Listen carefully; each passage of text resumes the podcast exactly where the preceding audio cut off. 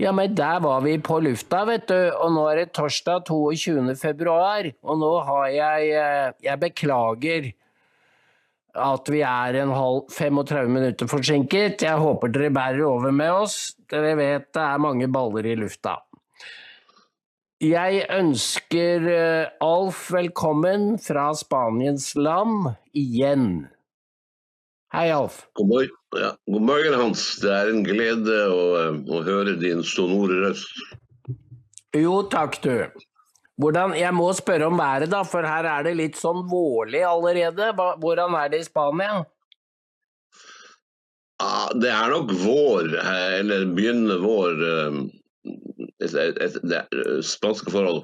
Det er, det er egentlig ikke sammenlignbart. For spanjolene regner vinteren fra 15. januar til 1. april. Og primavera, okay. altså våren, begynner 1. april. Eh, Men det betyr jo ikke det som, det som er forskjellen, er jo sola her. Den står mye høyere, ikke sant. Og, og når det er sol, så er det varmt og fint. Når det ikke er sol, så er det kaldt nok til at vi finnmarkinger, vi klager. Ti grader om natta. Men det, men det er jo ikke snø. Det har vært, det, det var en gang, det var et par ganger det har vært snø, men, eh, men uh, ingenting som ble liggende. Ja. Jeg kan si deg, her er det mye snø, så jeg skal ut og rydde, for det, det um, raste fra låvstallen i går, og det er jo altså Det er tonn, tonnevis. Ja. Du har, vel en eh, sånn liten, du har vel en sånn liten snøfreser som du sitter og kjører med? Den, den vil aldri klare det der, den tunge, våte snøen. Du må ha det nytter ikke engang med en liten traktor, du må ha en, i hvert fall en mellomstor. Hørte du ikke den snerrende er- ironien? Eh, Hørte du Den ikke er den snerrende japansk. ironien? Jo, du hørte det? Jeg kom fra et sted hvor vi kun brukte spade og hakke. Ja, det var det. Sånn var det da jeg var ung, og, eller barn. Ikke da jeg var ung, da jeg var barn. Men Alf, nå skal jeg hoppe rett inn i krigen.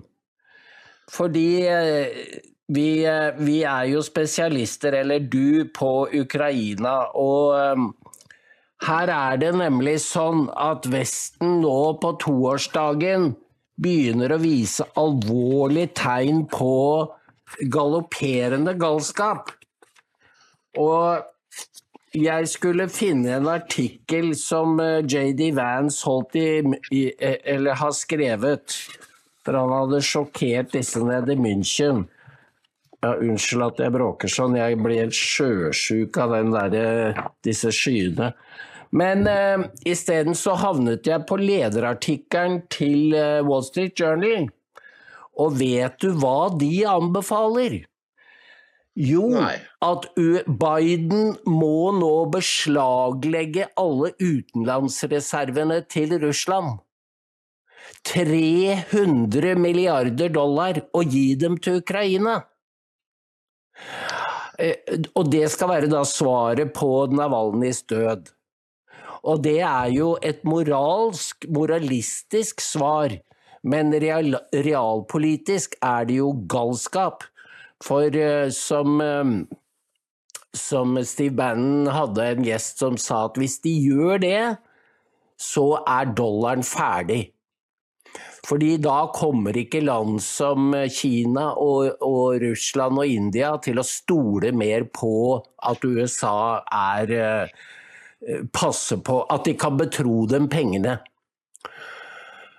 Eh, Så dette er eh, Hvor er forstanden?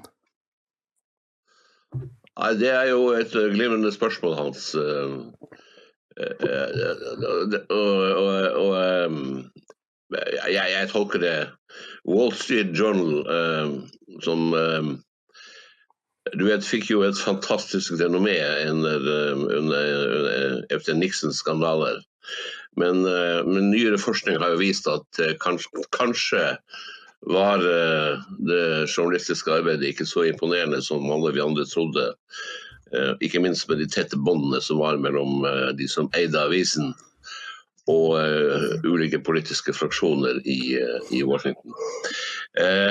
Så, Washington Post er og blir et talerør for, for makta og krigspartiet.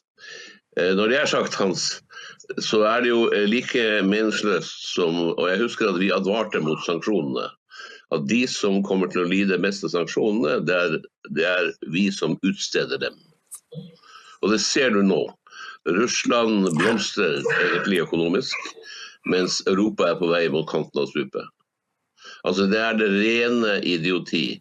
Men det er klart at vi, For det første, så hvis vi beslaglegger eh, det Russland måtte ha eh, av, av, i, oppsamlet i dollar, eh, så vil jo mottrekkene komme øyeblikkelig.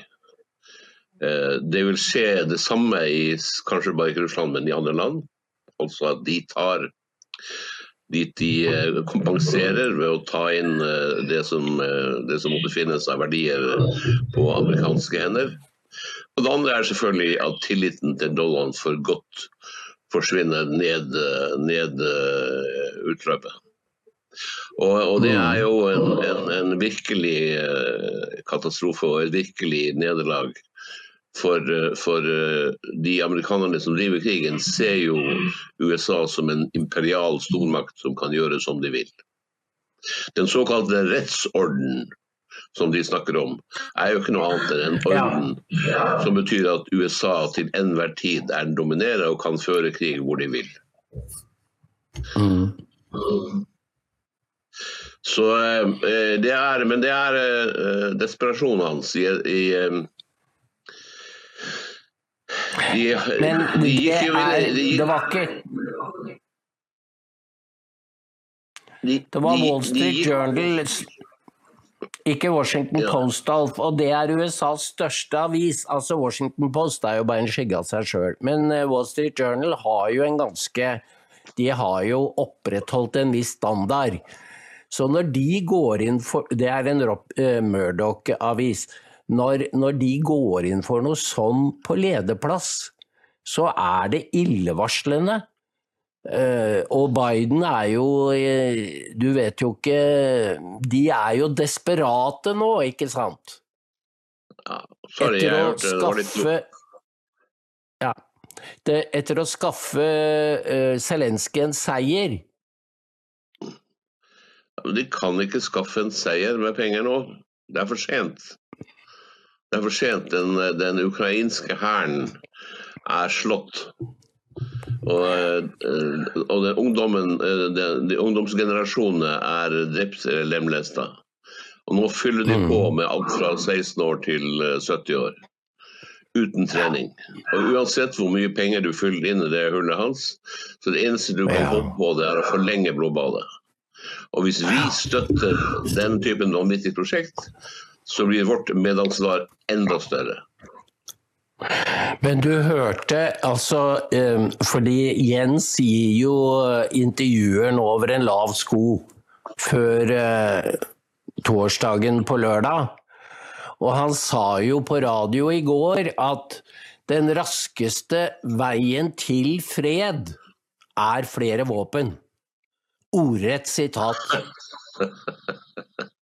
Jeg, spurte, jeg spurte, en gammel uh, Arbeiderpartimann som har uh, karriere i de hemmelige tjenestene, og sa at uh, jeg, vi visste jo at, at, at unge Stoltenberg var, var, ubegavet i forhold til faren. Men at han var så ubegavet som han har vist seg de siste ni år, det var det ingen som trodde.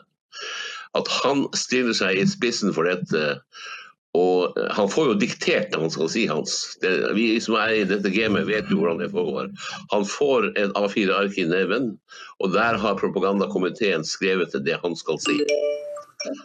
Har han moralsk fiber og, eh, og, og ryggrad, så kaster han det i papirkurven, og så sier han eh, eh det han sjøl tenker, eller, eller det hvis han måtte ha andre meninger. Men det tør han ikke. Så han gjentar krigspartiets budskap. Og, er, og, han, og, han, og alle andre vet at det han sier er usant. Det er bare et desperat forsøk på å forlenge lidelsene i håp om at et mirakel skal skje som kan redde krigspartiet fra et, et nederlag som er av historiske proporsjoner. For eh, Riktignok er krigen Vi har hatt mange større kriger. Men en krig i Sentral-Europa som har hatt som indirekte mål å utslette eller å bringe eh, Russland eh, under kontroll pga. råvarene som, eh, som, den dype staten ønsker tilgang til. Dvs. Si å destruere et av verdens største land med den eldste historien eh, i, i, i, i ren profitthensikt. Det er en krig som ikke er moralsk verdig. Og Den har Stoltenberg vært en av lederne for. Og han har formulert ideologien. Han har vært frontfiguren. Og det er skamfullt. Du vet, han, han uh, gjentar også det han sa i USA, nemlig at uh, nå må, nå må uh, kongressrepresentantene skjønne at det å bevilge 60 milliarder til til eh, Ukraina, er jo å støtte amerikanske arbeidsplasser. Altså En mer kynisk støtte til våpenindustrien skulle du sjelden ha hørt.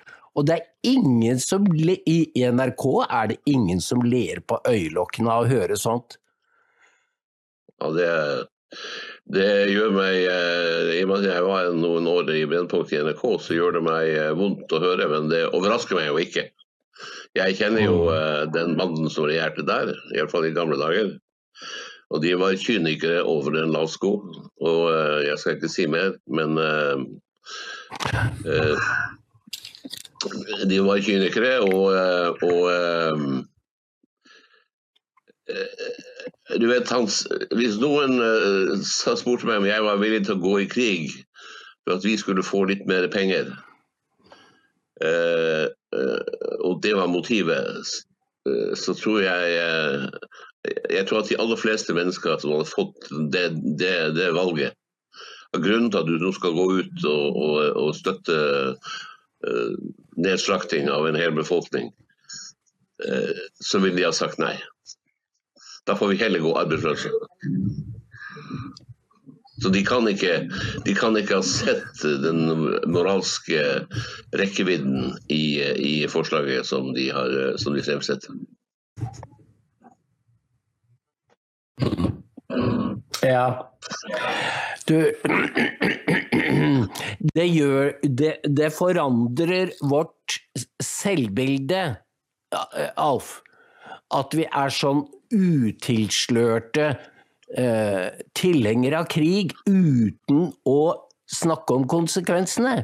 Altså den, han Morten Jentoft, stakkar, han prøver jo så godt han kan å smugle inn litt realisme. For i går så fortalte han da om eh, at det hadde vært en oppstilling av russiske soldater nede i Kherson eller nedi der. Jeg husker ikke helt nøyaktig. Og de hadde blitt stående på valplassen, og da kom det jo da selvfølgelig en drone og drepte eh, Var det 64 som lå lemlestet og sprengt? Og bildene på russiske medier var jo helt forferdelige. Um, og dette kaller jo Det er ingen medynk eller altså spørsmålstegn ved dette, men Morten Jentoft har jo sagt De dro fra uh, Var det 300 sårede i Avdivka? Altså måtte de bare flykte fra dem? Altså, det er, det er krig. Sånn er krig. Men vi får ikke se bildene, fordi det de, hadde ligget på Telegram. Men det er jo ingen norske medier som trykker dem. Men det burde de gjøre, for det er krig. Og det er det de for, altså, som våre ungdommer også skulle sendes ut i, hvis det ble krig. Hvor Hva er det som har skjedd? Ja, Den som kan svare på det spørsmålet hans, vil gjøre oss en, en velgjerning. For uh, det er uh, nesten ubegripelig. Og alle disse uh, de skildringene som viser virkeligheten, og det er jo ikke bare disse sårene som ligger igjen i Avdjevka. Og tallene varierer fra 300 til 1300. Eh, men du har jo en rekke avhør av, eh, av ukrainske fanger som eh, gradvis blir frigitt. Du har opptak av de siste desperate mobiltelefonsamtalene hvor de sender en siste hilsen eh, til, til mor og far. Og til sin familie. Ja, det er klart de har det. Det er jo, Alle har mobil, og, de ringer fra, de, fra skyttergravene hvor de er såret og tar farvel. Og, og, og, og du har et uh, satellittfoto som ser eh, som ser eh, knappehullet større, knappehullet på skjorta di. Så, så dette her er det ikke noen eh, juks eller hemmeligheter. Dette er krigens reelle eh, realitet, og den er brutal, Hans. Og, og, og det også, det er også en ting du må tilføye, Hans. En hær som på, oppgår i oppløsning på den måten den ukrainske gjorde, viser jo at den heller ikke har den ballasten som skal til for å stoppe og ta med seg sine sårede. Det, det er det er det, jeg, det, var, det er avdelinger, det finnes beslaglagt brev og, det finnes avhør av ukrainere som forteller at den første som stakk, det var den øverste offiseren. Han stakk i trygghet og lot soldatene sine bli igjen. Det er kapteinen som går fra broen først fra et synkende skip. Det, er, og det finnes masse sånne tilfeller.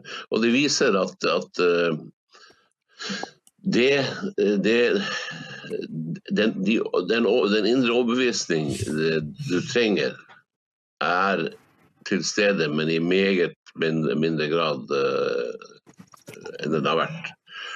Og, og, og derfor går, går, krigen uunngåelig mot slutten, også pga. at uh, ukrainske våpenlagrene nesten er tømt. De kan selvfølgelig holde ut en stund til hvis de får penger fra Vesten. Men det vil bare medføre at slakteriet fortsetter, og så er det slutt kanskje seks måneder senere enn det behøver å være. Det som pågår nå, Hans, har ingen mening. Mm. Nei, men da er det vel heller ingen som etter hvert vil slåss, hvis det er å ofre livet i en helt fånyttes krig. Nei, det viser jo, det viser jo halvparten har ikke halvparten av befolkningen rømt. Altså Alle disse karene i, i, i lærjakke som sitter ute på restaurantene i Oslo sist jeg var der, på kafeene og, og, og, i 30-årsalderen, de er jo rømt. Det er ikke for at de er, det er ikke for at de har noen grunn til å rømme, annet enn at de vil unnslippe krigen. De vil unnslippe å bli kalt inn. Jeg trodde det var russerne som rømte, jeg. Nei. Nei.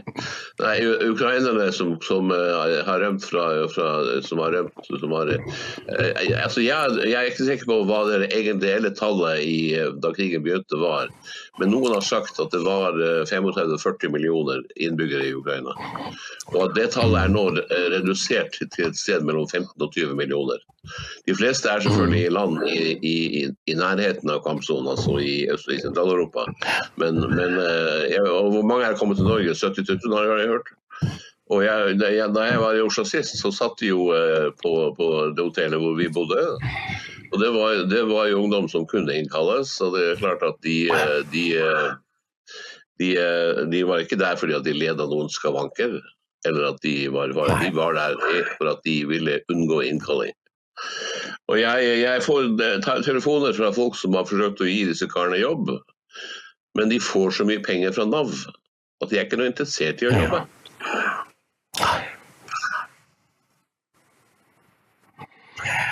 Det, det, altså, dette er en trist historie, vet du. Jeg trodde ja, det, det, er jo blitt sagt de, de, det ble jo sagt at de skulle fort i arbeid, og at de ikke skulle få uh, så mye, sånn at de ble stimulert til å begynne å jobbe med en gang. Det var jo snakk om at mange av dem var bussjåfører, sånn at de skulle få lov til å begynne å kjøre buss her tidligere enn reglene tilsa. Ja, men vi vet ikke så mye om hva som skjer, egentlig. Nei, men ja, å finne ut altså, Regjeringen burde legge frem og finne ut hvor mange de har skaffet jobb til i Norge. Det bør de jo kunne. Det må jo være enkelt. Men, det er ikke lov å si det? Nei, for da kommer jo uh, ukrainerne på dem og sier at dere er jo lederskap i Nato, og vi har forlangt at de skal hjemsendes. Send de, send de hjem med første, første fly. Vi trenger dem. Men Ukrai ukrainerne vil jo eh, Altså, jo lenger krigen pågår, jo mer ødelagt blir landet, og jo eh, lengre tid tar det før ukrainerne drar hjem. Det er det. For landet blir ødelagt. De Ukrainerne er jo veldig glad i, i, i jorda, hjemstavnen sin. De er jo litt som oss. Vi er som dem. De er glad for det Ja. lokale, de vil hjem. Ja, men da er, her, er jo, her, her er vi jo ved, ved kjernen av eh, noe av drivkraften i, eh, i dette blodbadet. Det er at eh, det er ikke sikkert ukrainerne eier så mye av den berømte svartjorda lenger. For det sies jo at Zelenskyj og hans krets av korrupte oligarker at de har solgt jorda til amerikanske matvaregiganter og investeringsselskaper som nå eier de store jordbruksarealene i Ukraina. Det andre er hans at, at eh, eh, Putin og russerne, som er blitt sveket av Vesten en rekke ganger i forhandlinger om fred, etter at, de ble, etter at denne krigen er blitt forlenget og forlenget pga. Av, av, eh, av våpenhjelpen, og etter Zelenskyjs opptreden, så er det klart at det er helt uaktuelt for dem å forhandle med det sittende regimet i Kiev. Det eneste som skal skape fred, er A. At amerikanerne presser ukrainere til å kapitulere. Og at det deretter blir en, en forhandling der eh, russerne i realiteten dikterer betingelsene. Og da er den regjeringen som, eh, som eh, ifølge norske aviser har vært våre største venner i historien, de er ferdig, de forsvinner. Noen kommer til å stikke av til de palassene de har bygd i utlandet. Andre kommer til å bli satt i fengsel. Eh, og, og, og det er ikke sikkert, Hans, avhengig av hvor langt russerne rykker inn i landet, at det blir noe igjen av den ukrainske stat slik som vi har kjent den. Annet enn en liten delstat i vest, hvor du har den politiske nazibevegelsen. Og den er opprinnelig polsk, rumensk og ungarsk land. Og de fleste, i hvert fall kommentatorer i, i, i Øst-Europa, føler seg jo ganske sikre på at med en gang dette er over, så vil nabolandet forsyne seg av det eh, land som de mener tilhører seg. Det betyr eh, ganske enkelt at det Ukraina vi snakker om, Hans, det har opphørt å eksistere. Det er i det realiteten det, Ja, men det er realiteten vi snakker om. Det er en, et- en, en utsalgsmulighet. Det finnes ingen forhandlingsløsning som er mulig annet enn en kapitulasjon, sånn som, eh, sånn som Vesten og Zelenskyj-regimet har oppført seg. Ja. Jeg blir jo litt lei meg jeg, da, over å høre sånne utsikter, eh, eh, Alf. Men nå eh, det, som, det som ikke tegner bra, det er jo at polske bønder nå har sperret De sperrer grensene. Altså Husk at dette skjer under eh, Donald, eh, Donald Tusk som er den mest EU-vennlige presidenten i, i Eller ikke presidenten, statsministeren i Polen. Så det sier jo litt om kraften i den protesten at Polen er tvunget til å stenge grensene mot Ukraina, og så tømmer de ut kornet som kommer på jernbanevogner. Og dette er fordi Ursula von der Leyen har eh, behandlet eh, Ukraina som privilegert uten tanke på forholdet til naboene. Dette er en alvorlig konflikt. Ja ja, det er jo ikke bare i Polen. Altså. Det er jo Bøndene i hele Europa er jo rasende. Jeg vet ikke hvordan det er i Norge, men de er jo rasende ellers. Over, over, det er klart at de har fått levealderen sin vesentlig eh, ja, I hvert fall utsiktene til at den blir vesentlig forverra, vokser jo fra dag til dag. Eh, Med det grønne skiftet og med, med krigen. At krigen fortsetter. Du sa at du var lei deg. Ja, det er klokka Jeg er eh, jeg er lei meg på vegne av den ukrainske befolkning som har vært, eh, blitt lurt eh, av, av Vestens gloret kapitalisme og deep state-organisasjoner til å være med på denne galeien. Og det er de som betaler prisen. Det er jeg lei meg for. Men du ser, Hans, hvis, hvis, dette utfallet kommer, at Vesten og Ukraina lider et totalt nederlag, ja. så, er det mer, så er det interessante spørsmålet skal de som satte i gang, unnslippe? Skal Stoltenberg og Støre ikke ha Skal ikke være politiske konsekvenser for noen? Hvor er folkestyret da? Skal Ursula von Leyen og andre skal de fortsette å styre EU som om ingenting har skjedd? Og det kan, du kan spørre det, si det samme om Macron. Du kan spørre det samme om den britiske regjering, og selvfølgelig om Biden-regimet. Kan de? Det er klart at Du kommer ikke unna. Til syvende og sist blir dette en debatt om, om hvilken tillit kan vi ha til Nato i fremtiden. Hvordan skal Nato overleve? Nå, nå, nå, sa jo hun eh, danske statsministeren at Danmark skulle gi alt sitt artilleri til Ukraina. Mm. Det er mulig at de ikke har hatt noen få feltkanoner, men hun sa det iallfall det. Så det er klart at det, det, må komme et oppgjør med de politikerne som har ledet oss inn og drevet dette vannstyret nå i de siste ti åra. Det må komme et oppgjør. Altså. Og det er folket må drive det. Og det må skje med renslige politiske metoder. Ja, eh, jeg må jo si hvis disse utsiktene eh, du eh, maner frem her går i oppfyllelse, altså hvis vi får et sammenbrudd i Ukraina, så kan jo hva som helst skje, Alf. Det syns jeg er skremmende scenarioer.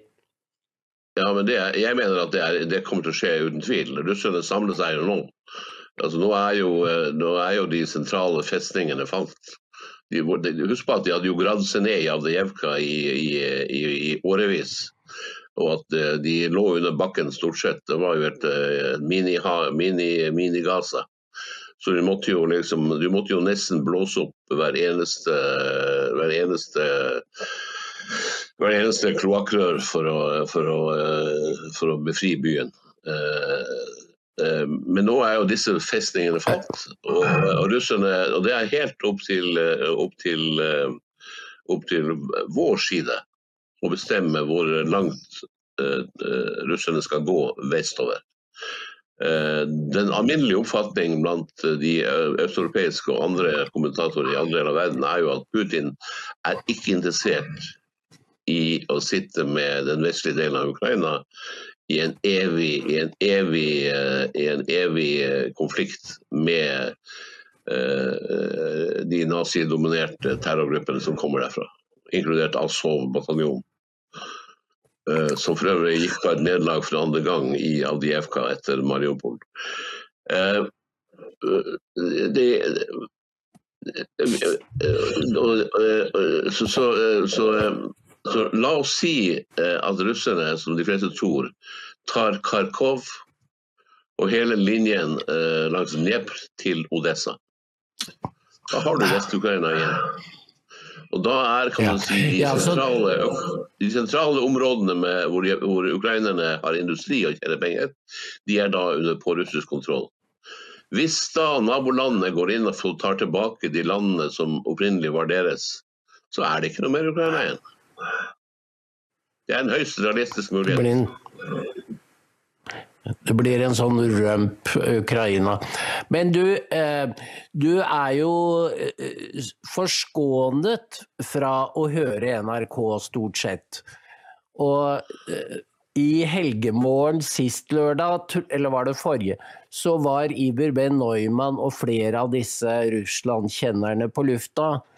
Og de gikk inn for at Norge skulle avskrive og bryte forbindelsene med Russland helt til de var blitt uh, vettue igjen, og det kunne ta Det var ikke noe vits i å føre dialog med Russland, og det kunne ta en 10-20 år.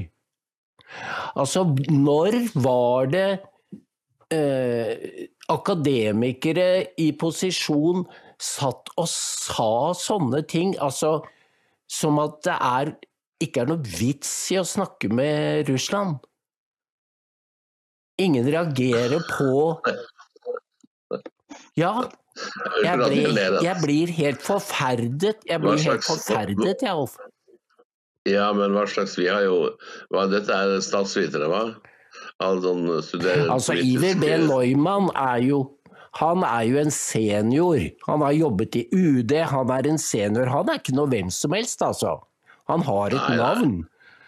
Ja, ja. Så, ja, ja. Jeg kjenner så mange akademikere med navn som eh, jeg skjønner ikke hvordan de har fått det. Og jeg legger merke til at når det gjelder folk på høyskole, Militærets høyskole og andre, så er det nå så mange professorer at du, jeg har ikke hender nok til å dele dem, og ikke tær heller. Eh, og, og, mm. når du ser hva de sier, så undres du virkelig på hva som gjør at de slipper gjennom noe overhodet. Det sies så mye dumt fra akademisk hold om dette at, uh, ja. at noen på, over dem burde slå i bordet og be dem å holde kjeft inntil de har satt seg inn og tenkt gjennom hva de sier. Skulle vi som har Russland som nabo, og som har eh, helt sentrale interesser i å samarbeide med russerne om forvaltningen av nordområdene, og det gjelder fiske som store deler av kysten eh, lever av fortsatt, og hvor vi har potensialet til nye gassforekomster når det grønne skiftet faller bort som den store bløffen det var, og vi nå begynner å utvinne gass igjen. Eh, eh, Hans, skulle vi ikke snakke med russerne, så er det jo et nytt Vi begår jo et langsomt selvmord som, som, som land. Fordi vi er bare fem millioner mennesker, og vi har ikke noe særlig forsvar. Vi har en 10 000-20 000 soldater, og vi har noen få skip hvorav halvparten uh, ligger i opplag til reparasjon for, for, til enhver tid, eller fordi det ikke finnes penger til å drive dem. Vi må, ikke, vi, må ikke, vi må jo ikke oppføre oss som en elefant når vi er en mus. Det, altså Russland har eh, og, det, og Sånn var det helt siden 49, hans, da Nato ble dannet. At Norge og andre direkte naboland eh, til Russland, til Sovjetunionen, vi aksepterte at supermaktene som USA og, og Sovjetunionen at de hadde sine legitime sikkerhetsinteresser. Og de tok vi hensyn til. Det gikk ikke utover oss. Vi, bare, vi, var bare forsiktige, og vi forsøkte å dempe konflikter. Og vi forsøkte å samarbeide. Og det var vellykket. Det var vellykket i lang, lang tid. Hvis vi nå skulle snu og overse Russland, så er det ingen andre det kommer til å skade enn det kommer til å skade oss. Ja. Det er jeg jo helt enig, enig med deg i, men og, men, og, nettopp derfor så blir jeg helt uh, Jeg blir alarmert når jeg hører disse uttalelsene. Og hvor er styringen av Norge når Anniken Huitfeldt utnevnes til ambassadør i Washington uten å ha søkt på stillingen.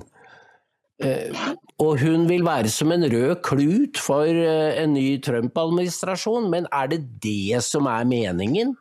Altså Har Norge plutselig tatt mål av seg til å ikke bare eh, bokse i en klasse over, for vi hører jo hjemme i fluevekt, men virkelig å spille en rolle på den storpolitiske scenen. Fordi nå har Espen Barth Eide eh, fått med seg Tony Blinken på en ny konferanse om eh, palestinsk stat. Altså, Norge gaper over så mye og tror Vi tror vi kan gjøre hva som helst, for vi har 16 000 milliarder på bok. Hans, selvfølgelig, vi er jo, det, det er jo nå eh, på nesten alle alternative kanaler ute det eh, innslag om hvorfor og hvordan Norge blir verdens rikeste land pga. Av, av krigshandlingene og sanksjonene som driver prisen på olje og gass oppover. Og, og, og, eh, det er klart at det settes jo i sammenheng med vår rolle i krigen. At Norge har deltatt i dette for å bli enda rikere enn de er. Og Hvis noen tror at de fattige i resten av verden liker det og ser opp til det, så tar de fullstendig feil. De, de misunner oss, de misunner sikkert Norge men det skaper også en forakt og en avsky. Så vi har destruert vårt renommé for ti år fremover som fredsnasjon og som en humanitær nasjon. Og det, det, det, vil ta år etter år å bygge dette opp igjen, for det er ingen som kommer til å tro på oss. For de vet at neste gang det blir en krig som styrker våre inntekter, så er vi med på krigen. Eh, eh, eh, de, de sjakksekkene som de nå gjør for at de skal overleve som politikere, det, det, er klart at Huitfeldt får nå en resettjobb, en, en fin resettjobb i Washington. Hun blir ansatt i staten og umulig å bli kvitt. Og det er det jo, definitivt. Vi har altså én million ansatte i, i, i offentligheten i Norge. altså. Én million av fem millioner. Det er en verdensrekord som aldri vil bli slått. Og, og, Så lenge vi har oljeinntektene hans, og så lenge prisene er høye, så er det klart at vi kan fortsette å bruke av pengene, men en dag tar det jo slutt. Hva er det igjen da? Du må jo tenke lenger enn det. De pengene kunne jo vært brukt til å gjøre noe godt. Men eh, Alf, vi har eh, super Vi har jo da supermenn som Mads Mats Gilbert og Jan Egeland. Fordi, ja, men de er litt sånn, de ligner litt på hverandre, skjønner du. Og Jan Egeland har nå vært i Tsjad. Jeg vet ikke om mange nordmenn som greier å finne Tsjad på, på kartet, men han har vært der og sagt at dette er det verste han har sett. Så og nå var det en lang melding på NTB om at krigen i Sudan er den glemte krigen med ti millioner uh, som er displaced. Altså som er blitt flyktninger i eget land. Og bare i én by så er det drept 15 000. Ja vel, hvem er det som har glemt denne krigen, da? Vi har jo ikke hørt noe annet enn Gaza nå i, helt siden 7. oktober. Eh, så det er jo mediene det er jo mediene som har hamret på palestinsk lidelse nå i så mange måneder, og så kommer de og sier nå! Hvor er empatien for Sudan? Altså, dette er en mangel på anstendighet og respekt for folks følelser. For de bruker, eh, de bruker, befolkningens samvittighet som en sånn punching ball, vet du, sånn som du gjør i boksing. De driver og hamrer løs på denne, hva heter disse som henger fra taket? Eh, det, det er det de bruker oss som. Ja, ja. Og det er farlig. Det er farlig. Det Fordi finnes mange mister, De mister all empati. Ja. Det finnes mange sånne slepinger. Du, du må huske Hans, at vi gjennom eh, siden eh, du vet, Vi var jo relativt fattige fram til, eh, fram til 1969. Og eh, i, i 68 så, så, tok hvalfangsten slutt for godt. Og vi, eh, vi mistet de inntektene fra den, eh, de marine oljene. Så var det Gud smilte til oss, og så ga han oss altså store funn av mineralsk olje under havbunnen. I, ikke mindre enn tre basseng. Først i Nordsjøen, så i Norskehavet og så i Barentshavet. Og alle utenlandske oljefolk du snakker med, sier dere er blant de helligste i hele verden. For dere har olje og gass overalt. Eh? Og det er jo etter da eh, Så har jo denne, disse folka som ikke som vil, vil frelse verden, det er jo et påskudd. Men som ikke vil sitte på og ha en normal jobb i produktivt arbeid og som vi har flere og flere av, og utdanner flere og flere av i statsvitenskap, sosionomi, sosiologi og hva alle disse fagene, sosialantropologi. Eh, I lange perioder så har det jo vært flere forskere i Kautokeino enn det har vært fjellsamer. Det alle vi som er der, vet jo det. Ja, ikke sant? Så det er, jo, det, er jo, det er jo nøyaktig sånn det blir i et stort land, med et lite land med altfor mange penger og altfor mange landsabber. Eh, mm. Eh, eh, mange av dem er sleipingene hans. De vet nøyaktig. De farter rundt fra hotell til hotell på, på business class og har lever et fantastisk liv. Og så går de rundt og så ser de på fattigdommen, så kommer de hjem. Hva er det de har, hva er det de har kurert hans på disse åra? De bruker 50 milliarder Andre sammenlignbare land bruker 1 milliard. Vi bruker altså 50 ganger så mye som tilsvarende land i Mm. uhjelp. Vi, vi har jo aldri løst ett problem. Disse folka har jo eh, De er, de er jo ikke verdt lønninga si. Men de sitter nedgravd, og de har tatt, de har grepet hegemoniet i Norge. Hans. De grep det for 20 år Ja, siden, ja. minst. Ja, det, 25 år siden. På 90-tallet begynte de å trenge seg. Først var det fred, så ble det miljø. Mm. Og så kom det grønne skiftet, som er selve kulminasjonen av 20 års debatt. Og som skulle gi disse, disse karene og kvinnene den endelige kontrollen. Og de er, all- var alle sammen De sitter i titusenvis i departementer, organisasjoner, eh, direktorater og overalt hans. Men du er skjønner, Det er helt avsindig antall offentlig ansatte. Ja. Helt avsindig. Jeg er helt enig, Alf, i at de har grepet makten i Norge de siste 20 år. Det er helt stemmer. Men og at det grønne skiftet er jo en totalitær løsning for hele samfunnet. Men så er det det at denne eliten har gått inn i en krig og faktisk lovt at de skal stå eh, ved Ukrainas side to the bitter end. Og vi vet fra historien at krig er uforutsigbare. Så jeg tror de har tatt seg vann over hodet, og at dette Fremtiden ser mørk ut fordi det har krig har uante konsekvenser. Um, ja.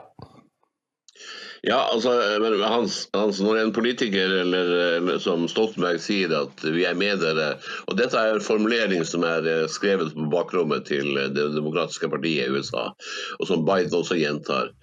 Vi skal være med dere så lang tid det tar. Det har han sagt på alle Nato-møtene siden i fjor. Og han har gjentatt det. det er, men det, det han mener med det, Hans, er jo ikke, er jo ikke at skal, de skal støtte disse karene i Ukraina eh, til, til herfra og til evigheten. Eh, de, de skal støtte Ukraina så lenge de sitter ved makten. Og en politiker han er der i dag og forsvunnet i morgen. Så de løftene har ingen Jo. verdi. Jo, fordi de forplikter seg på våre vegne, Alf. Så de kan ikke bare snu på flisa og si nei, vi, vi har visst lovt litt for mye. Det går Nei, ikke. ikke, ikke de, men neste generasjon. Men neste, de som, de som overtar, de kan si det. Men ikke uten å ta et oppgjør med den politikken som er ført. Eksakt. Da må de ta sånn et oppgjør da må, ja, De må ta et oppgjør med at de overså og ignorerte korrupsjonen i Ukraina. For det har de Altså, vi ser nå hvilke temaer de er de har styrt unna. Og det er jo en av grunnene til at amerikanerne sier nei, nå er det nok. Fordi vi har ikke fått noe revisjon eller regnskap over hvor pengene er gått. Eh, Så eh, Men Men Hans, jeg mener at det er premisset for at folkestyret fungerer, at det må komme et oppgjør med de politikerne som ikke bare har oversett og gjort uh, tilgivelige feil, de har vært komplett udugelige. Og de har vært narsissistiske. Og de har spredt, de har bygd opp et sensur- og propagandaapparat som du aldri har sett før i historien. Og de forsøker til og med nå forsøker de å stemple kritikk av regjeringen som eh, det samme som å være en fiende av staten. Det er ikke, det er ikke sant. Kritikk er, kritikk er absolutt nødvendig, og det er opposisjonens oppgave, og det er pressens oppgave.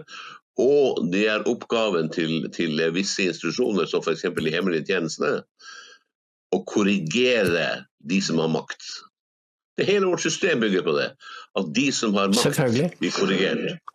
For som det ble sagt, sant, at makt korrumperer, men, og total makt korrumperer totalt. Det er riktig. Det var lord Acton som sa det. Uh, men eh, Og eh, eh, eh, Ja, hva var det jeg skulle si? Um, vi er nå ved Altså, det er så mange risikomomenter i denne analysen, for både krigen i Ukraina kan komme helt ut av kontroll, men også den vestlige borgerkrigen, Alf. Fordi vi har da en maktelite som har sagt opp kontrakten med sin egen befolkning og lagt befolkningen under overvåkning og kontroll. Og svartlister de som er, ikke er til å stole på. Det blir jo, bare, det blir jo flere og flere. Men nå skal, jeg, eh, nå skal du høre, fordi eh, debatten på tirsdag det var om dette vedtaket i Drammen kommune. Det har du hørt om. Altså, de vi har ukrainere og ikke alle disse ikke-vestlige. Fordi integreringen i Drammen går så dårlig. Um, og det ble ramaskrik, vet du. Støre rykket jo ut med en gang og sa at dette er ulovlig. Det måtte han trekke tilbake, fordi han hadde ikke noe med å blande seg inn i den. Men så skulle Valgeir Svarstad Haug, eh, Haugland avgjøre det. Hun er statsforvalteren. Eh, det høres ut som hun har stattholder, vet du. Ja.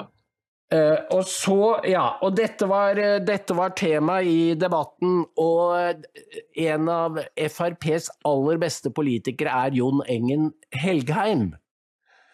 Han er jo da politiker i Drammen. Og, men han slapp jo nesten ikke til orde fordi Fredrik Solvang, som har hatt en pause, og jeg trodde kanskje han hadde Eh, eller blitt kommet tilbake med friske krefter, men han spilte jo da rasismekortet med en gang. Det var veldig skuffende, for der sto jo Senterpartiet og SV og hun merkelige merkelig fra KrF, og så ble det en debatt om, om tonen og hva man ikke kan si, og så var det en representant for ungdommen som hadde innvandrerbakgrunn. Men, men Helgheim fikk inn to opplysninger som forteller Som burde snudd hele debatten. Og det ene var at um, det er 300-400 norske familier som flytter fra Drammen hvert år. 300-400. Men ti ganger så mange, 4000, flytter til Drammen fra andre deler av Norge når eh, dette støtte Når de ikke lenger får kommunal støtte, så eh, flytter de til Drammen, for der har de jo da mange landsmenn. Sånn at Drammen fylles opp. Men det er det ikke lov å si. Det er det ikke lov å si. Så der ser du hva dette For dette er også en form for krigføring og myndighetene fører krig mot sin egen befolkning. Og sånn er det i by etter by i Norge. Ja, så, vi, vi, ser jo effekten av den utviklingen i nær sagt alle land i Europa. Hvor uh, massiv og nærmest fri innvandring har hatt uh, til dels katastrofale resultater, hvorav Sverige er jo det verste eksempelet. Hvor eh, hele bydeler og byer er overtatt av klaner og bander, eh, mange av dem med islamistisk bakgrunn. Og ingen har noen som helst anelse om hvor mange med, fra, med, med bakgrunn i politisk islam som er kommet med denne flodbølgen. Og eh, det, det, andre er jo ren matematikk. Det er bare å se på befolkningsutviklingen, fødselstall og innvandring. Så vil du jo oppdage skjæringspunktet meget fort. For når, når, norsk, når etniske nordmenn er i mindretall. Og da er det jo spørsmål hvem som vinner lokalvalgene, og hva slags type, hva slags type regime de innfører. Uh, og mange av disse gruppene uh, er det ifølge ekspertisen umulig å assimilere. De vil ikke gi slipp på sin kultur. Det er nordmenn som må gi slipp på sin kultur. Dette er ikke, dette er ikke noe, noe, noe, jeg sier fordi, fordi, jeg ønsker det, fordi jeg, jeg, har bodd i utlandet. Utdeling, ut, alle, alle slags typer utlendinger fra tro og etnisitet. og, og, og, og, jeg, og jeg har ikke noe problem med det, men, men hvis du vil ha et realistisk bilde av fremtiden i Europa, så må du ta med dette hans. Ellers så vil du ikke forstå noe, og du vil heller ikke kunne føre en rasjonell politikk. På et eller annet Mm. tidspunkt kommer skjæringspunktet hans, og da er Europa gått tapt. Og det kommer til å skje innenfor de neste 50 år. Så vår generasjon kommer ikke til å oppleve det. Men den neste kommer til å stå overfor uoverstigelige problemer. Da jeg var i Oslo sist og, og, og, og satt på hotellet, og så så jeg hvem som var der, så så jeg de tomme husene som staten har, eh, altså blokkene som staten har overtatt. Hvor eh, det ikke bor andre enn statsansatte, hvor det er offentlige kontorer eh, og, asylsøkere. Så tenkte jeg i mitt stille sinn dette har Raymond Johansen og co. ikke tenkt igjennom. Den dagen som, som sannsynligvis vil komme, at nordmenn, de nordmennene som er igjen, som er etniske nordmenn, sier at dette var ikke det vi ville, og dette var ikke det vi tenkte på. Vi er nordmenn, og vi har en norsk historie. Og vi har et norsk språk og kultur og tradisjoner som vi vil ta vare på. Og vi har ikke minst et kristent, liberalt grunnsyn som vi vil skal overleve. Så kan det komme en, en konflikt, Hans. Og, og du ser hvordan de konfliktene ser ut, Hans. I Ukraina, og du ser det i Gaza, du ser det overalt. Til- jeg tenkte genuint, Hans, Hans at hvis, du, hvis denne konflikten kommer til Norge, så er det ikke sikkert at vi kommer til å greie den. Fordi den vil medføre så enorme kostnader. Jeg mener i, i, i, i, tapte liv og ødelagte liv. Så jeg tror, altså, jeg er dessverre mer svartsynt enn deg, jeg tror at vi er, igjen er i ferd med å våkne for sent. Akkurat som 9. april. Mm. På en litt annen måte. Men Alf, den, denne, denne konflikten eller krigen eller hva du vil kalle den, den har jo pågått i mange, mange år allerede. Så Og jeg skal bare si at myndighetene og mediene og akademikerne vet hva de gjør. Det er ikke lenger sånn at noe har utilsiktede virkninger, for dette har vi visst lenge hva som er virkningen, og det er helt bevisst politikk. Nå skal du høre, jeg skal bare avslutte dagens sending med, veldig, med noen eh, hyggelige meldinger fra Frankrike. Og det er altså en meningsmåling i den franske ukeavisen Le Journal du Dimanche. Det er den mest omfattende og detaljerte oversikt av hva franske muslimer tenker. Eh, 17% innrømmer at de hater jøder.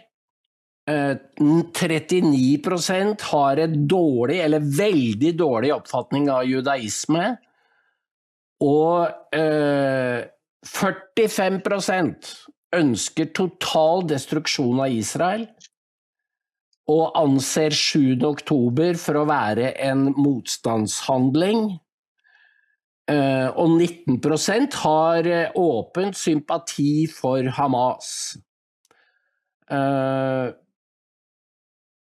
42% av franske muslimer ønsker å erstatte fransk lov med sharia. Og hele 57% blant muslimske unge mellom 18 og 25 år. Og respekten eh, for Frankrike er jo da tilsvarende lav. Eh, 49% av franske muslimer vil at katolikker skal omvende seg til islam. 36% vil at kirkene skal forvandles til moskeer. Og 25% en av fire, eh, sier at de avviser ordet Frankrike. De godkjenner det ikke. Og 70% av fangene i fengslene er muslimer. Dette er virkeligheten i en av Europas største og viktigste land, og dette kommer ikke til å gå bra. Og vi er påhe- påhekta, og Fredrik Solvang er en intelligent, oppegående fyr, eh, og at ikke han ser perspektivene når han diskuterer det vedtaket i Drammen, syns jeg er rett og slett det Det skuffer meg enormt. For han vet. Han vet. Ja, Hans, det er jo ingen tvil men Jeg kommer jo fra Nord mange år siden jeg var i det miljøet, men Hans, jeg vet jo, jeg vet jo at de vet. Men selv i min tid, Ja. Hans, så var det jo ingen som torde å ta i dette temaet. Jeg husker en gang det er noen som ringte oss fra Lillestrøm og som sa det. Hør her, Jacobsen. Du som, eh, du som eh, ikke er helt vettskremt. Eh, Her er en familie med, innvandrerfamilie med fem, med fem unger fra Midtøsten, og de mottar 45 000 kroner. Og i 90-åra var dette mye. 45 000 kroner i måneden utbetalt. Det er mye. Og de Mhm. påstår de er asylsøkere, men i hver eneste vår så sender de alle ungene sine på Madras skole. Jeg tror det var i Saudi-Arabia.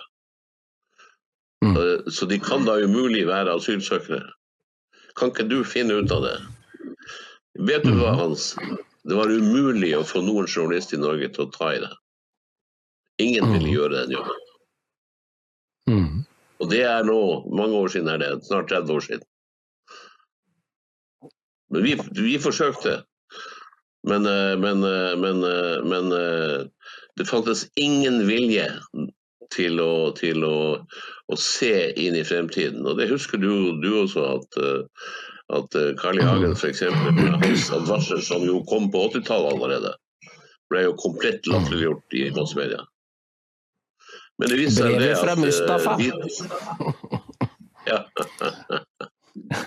ja.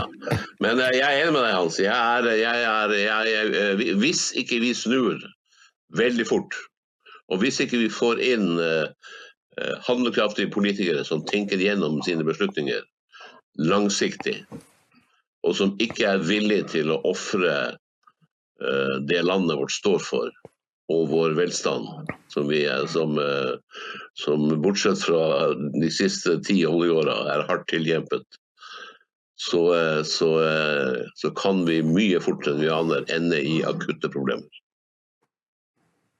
Vi er i akutte problemer, Alf. Det er bare å se på meldingen om vold i, i, som kommer i media hver eneste dag. Nå har det vært to eh, alvorlige hendelser i eh, Hvor var det? I eh, innenriks ah, Ja. I Asker. En person er siktet for grov kroppsskade etter voldsanmeldelse i Asker. Personen er kritisk skadd. Dette er hver eneste dag nå. Og folk skjønner at det er hva det henger sammen med. Så, men Alf, vi, eh, dette er mentalhygiene. For å spyle systemene sånn at vi har en bedre gjennomstrømning i hele kroppen, og særlig hjernen, så vi kan tenke og se klart. Fordi det er ikke Ja. noe alternativ å, å lukke øynene. Det alternativet eksisterer ikke. Nei. Så takk, Alf, for at du var med. Takk sjøl, Jeg, Hans. jeg skulle til å si at eh, en time er altfor mye å sitte og prate, men når vi først begynner, så går jo en time som en røyk. Det gjør det. Takk for nå. Takk for nå. Hei! Vi i Dokument er glade for at du leser oss hver dag. Lytter til Dokumentradio. Og ser på Dokk TV. Redaksjonen produserer døgnet rundt. Og trenger både abonnement og donasjoner. Dokument er unikt i Norge. Vi er det eneste virkelig konservative mediehuset. Støtt oss på VIPS nummer 638941. Det Kent sa. Vips nummer 63 89 41. 63 89 41. eller bli abonnent.